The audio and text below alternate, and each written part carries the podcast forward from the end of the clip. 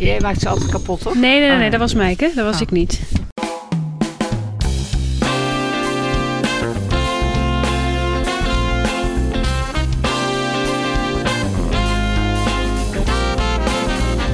Welkom bij Trace, de plek om naar onderzoeksverhalen te luisteren. Met een nieuw onderwerp, hokjeszorg.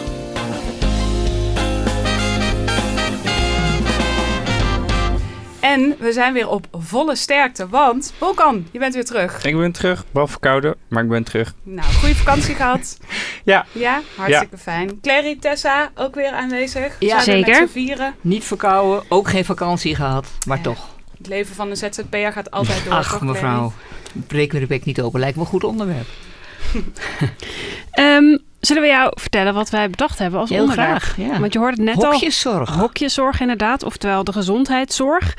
En dat heeft ons de afgelopen maanden echt regelmatig de wenkbrauwen doen fronsen. En eigenlijk vroegen we ons af, hoe eerlijk is die gezondheidszorg eigenlijk?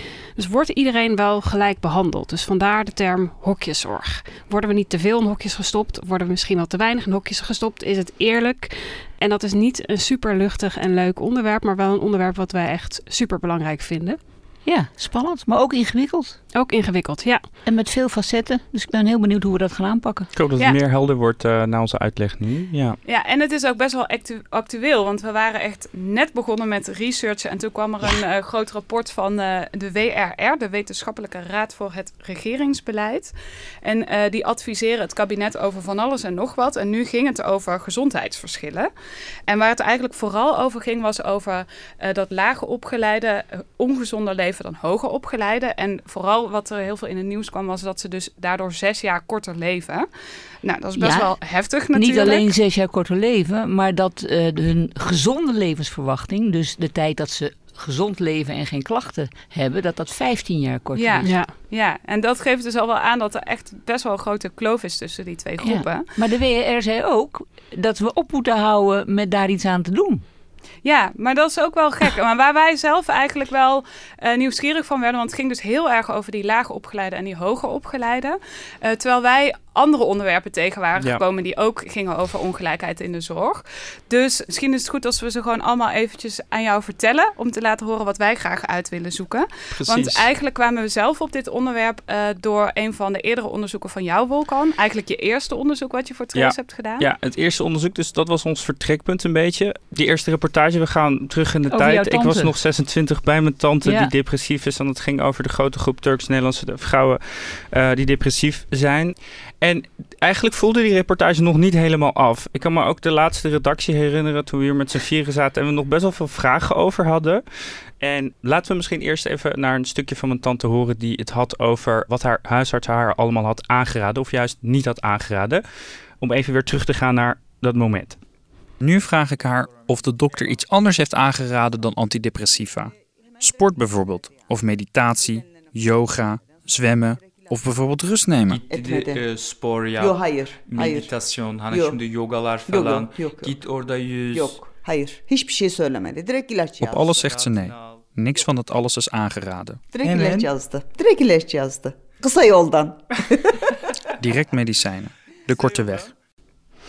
Ja, en dit vond ik nog ja, best wel schokkend dat zij dus niks anders had aangeraden gekregen dan die eh, antidepressiva van haar huisarts. Direct medicijn inderdaad. Ja. Direct medicijnen, dat is nogal wat, want het staat ook voor zeg maar, een hele grote groep die depressief is. 26% van de Turks-Nederlandse vrouw ervaart depressieve klachten. Dat is een enorm verschil ten opzichte van de Nederlander, of de Nederlandse Nederlander, in hoeverre je die op die manier kunt noemen. Want die heeft 11% depressieve klachten, dus dat is een enorm verschil. Dus ja, het is Nou, de vraag was volgens mij, want ik herinner me dat ik zelfs iets zei, dat moeten we nog verder onderzoeken, geloof ik. Ja. Ja. Eh, de vraag was of zij inderdaad anders wordt behandeld dan, wat zeg je tegenwoordig, eh, N- Nederlanders van Nederlandse Nederlandse origine. Ja. De- en of er misschien sprake was van één, een communicatieprobleem. En twee, of er misschien ook wel sprake was van een vorm van discriminatie. Ja, en een voer voor zeg maar, de, de, de vraag die je nu opwerpt, kwam eigenlijk van de huisarts die ik ook nog in de tweede reportage van Opgebrand sprak, huisarts Dorien. Want die bleef echt het meest hangen op Ja. de redactie. Exact, daar hebben we nog Ja. best wel vaak nog over gehad. Laten we even luisteren naar wat zij te zeggen had hierover. Ik wil liever geen medicijnen voorschrijven als ik denk dat dat eigenlijk niet nodig is. Eh, en er is ook helemaal niet eh, veel onderzoek die bewijst dat dat een verstandig idee is. Het placebo-effect van die medicatie moet je ook niet onderschatten, denk ik. En dat is ook een effect, hè? Als je denkt dat je met deze pil beter wordt, dan wordt je, de kans dat je ervan beter wordt, ook al is het een stukje zout, is gewoon 50% of zo. Dat is enorm. Nou ja, dat bedenk ik ter plekke, maar dat is een hoog getal. Dus dat is ook een effect wat je kunt bereiken, waardoor je contact met mensen houdt en ze weer terug moeten komen om te kijken hoe het gaat met die medicijnen en je dus dan op, in gesprek blijft. Dus dat vind ik ook een legitieme reden om het toch te geven, ook al heb je die depressie niet. Ja, het is voor huisarts Doreen dus een legitieme reden om antidepressiva voor te schrijven als contactmiddel. En uh, naderhand heb ik en ook met Mike en Tessa nog best wel veel over gehad van... is dit de juiste manier van zorg geven? En daar kom ik dan ook op mijn hoofdvraag voor dit onderzoek uit. Als je bedenkt dat die Turks-Nederlandse groep de grootste groep is in het ervaren van depressieve klachten... krijgen ze dan de juiste zorg? Ja. Dat wil ik gaan uitzoeken. Ga je ook uh, weer terug naar je tante? Ik ga weer terug naar mijn tante, ja. Ditmaal Oh. iets minder zenuwachtig uh, als in de eerste repo waarschijnlijk. Maar ik ga terug, want die heeft in de tussentijd uh, ook niet stilgezeten en heeft uh, veel nieuws te vertellen. Oké, okay, ik ben heel benieuwd hoe Cliffhanger. het Ik ben ook heel benieuwd. Ja, en in de afgelopen maanden kwamen we ook nog een ander onderwerp tegen wat hier een beetje aan raakt. Wat ook gaat over die verschillen en die ongelijkheid in de zorg. En dat was naar aanleiding van een artikel wat uh, stond in de New York Times. En ze hadden daar ook een podcast over gemaakt. Dus daar wil ik even een stukje van laten horen. This is The Daily.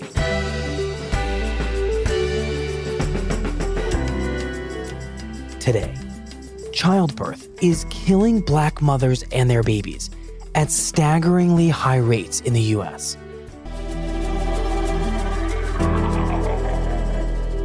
It's Friday, May 11th. So, a black woman is two to three times more likely to die in childbirth or almost die than a white woman. And a black baby is 2.2 times more likely to die than a white baby. And this racial disparity is actually larger than in 1850 during wow. slavery. Essentially, being a black woman is bad for your pregnancy. In America, something is going wrong here. Ik vind dat echt fucking heftig. En niet alleen Heel om de heftig. muziek die eronder zat, maar gewoon best wel ook wat ze allemaal zeiden. Hoe zit dat? Ja, ze hebben daar dus echt een heel groot verschil. Hè? Je ziet dus dat die zwarte baby's in Amerika twee keer zo grote kans hebben om vlak voor of tijdens of vlak na de bevalling te overlijden dan witte baby's. En dat weten ze ook al wel een tijdje. En ze zijn ook heel erg op zoek gegaan naar van hoe kunnen we dat nou verklaren. Daar gaat dat stuk in de New York Times ook heel uitgebreid over. En dan denk je misschien ja, opleidingsniveau, inkomen, misschien ligt het wel aan leefstijl of is het iets genetisch. En eigenlijk blijkt uit dat artikel van de New York Times dat al die dingen uitgesloten kunnen worden. Er zijn heel veel wetenschappelijke onderzoeken gedaan.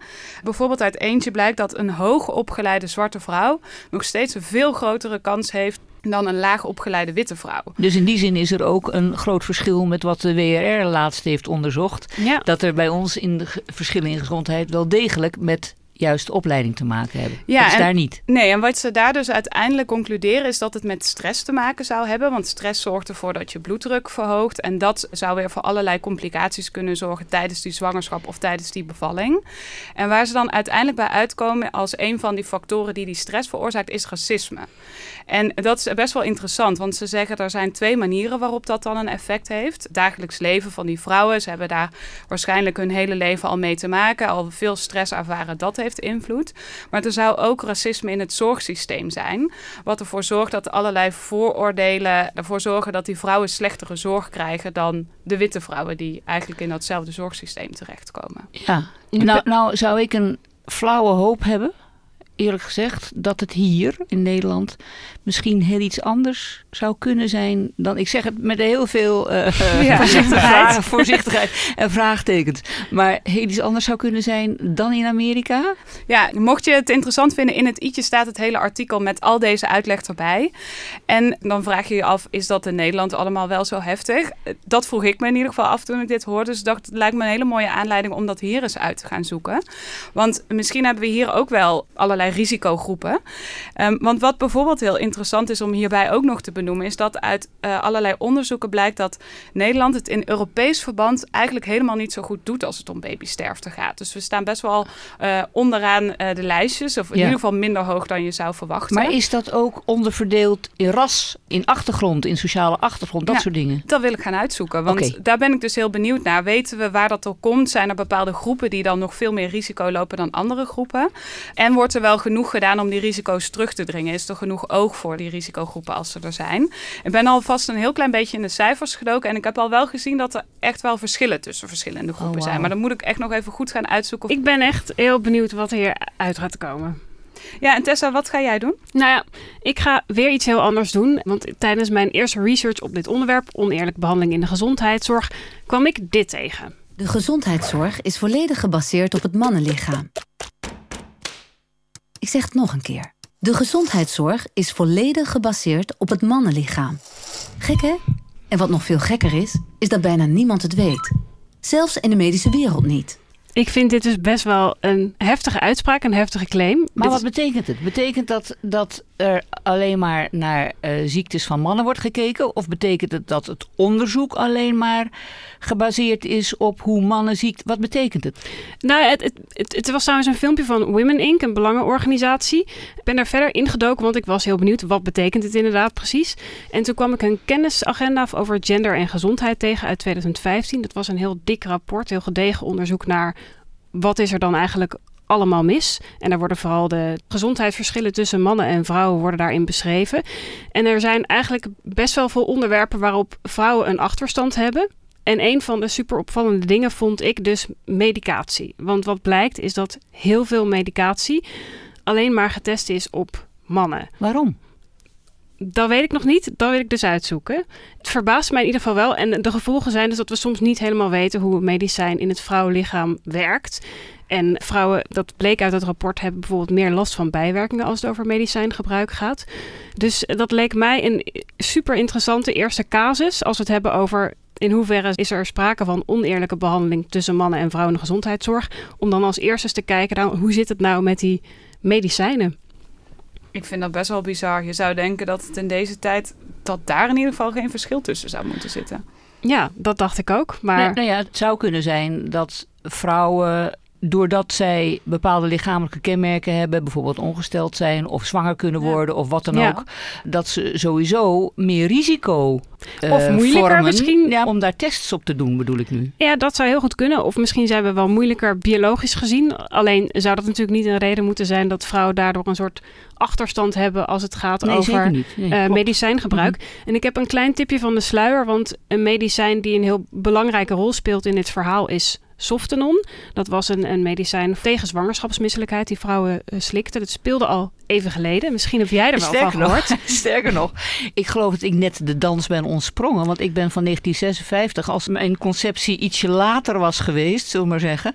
Dan had ik misschien ook wel risico gelopen om Ja. zonder armen of half, met halve armen dat- en benen. Ja. Dat krijg je Eh, van het medicijn? Nou Ja. ja, er zijn dus zwangere vrouwen die dit middel geslikt hebben tegen misselijkheid. En er zijn 10.000 kinderen geboren met Ja. inderdaad verkorte of misvormde ledematen.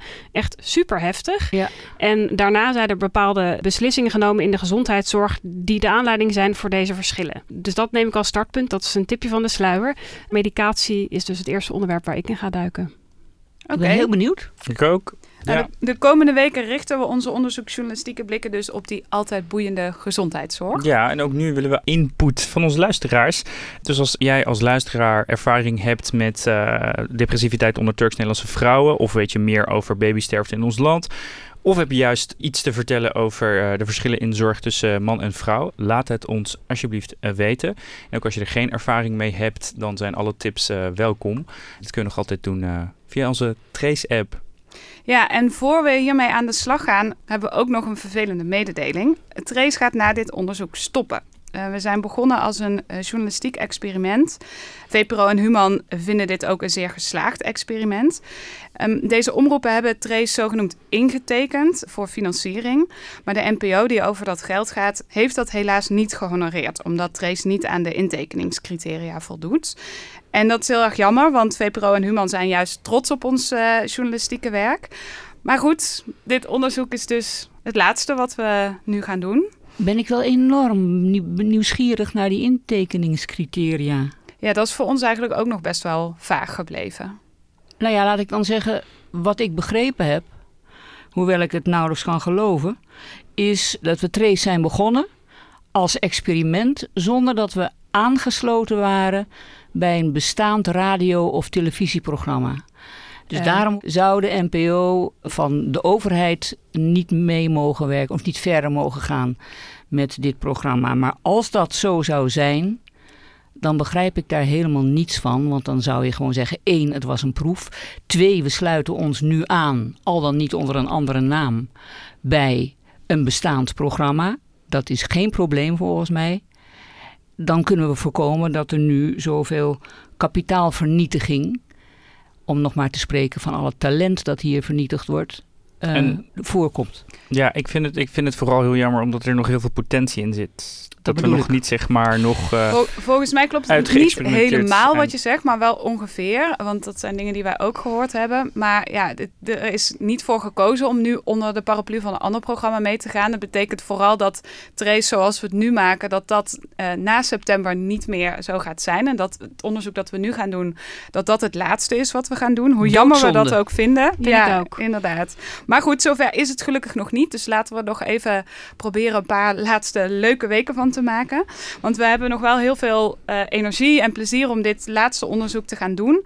We gaan ook nog gewoon alles goed uitzoeken zoals jullie van ons gewend zijn. En denk vooral met ons mee en reageer ook nog steeds. Want dat vinden we echt vooral zo tof aan Trace. We hebben zoveel mooie, interessante, grappige, kritische en ontroerende reacties van jullie gekregen. En dat is wat Trace Trace maakt natuurlijk. Dus dat vinden we heel erg tof. Moedig voorwaarts. Moedig voorwaarts, inderdaad. Ja. Trace is van VPRO en Human. We worden gesteund door het Stimuleringsfonds voor de Journalistiek. De illustraties in de app zijn van Jara Ruby en de muziek die je hoort is van de Raad van Toezicht.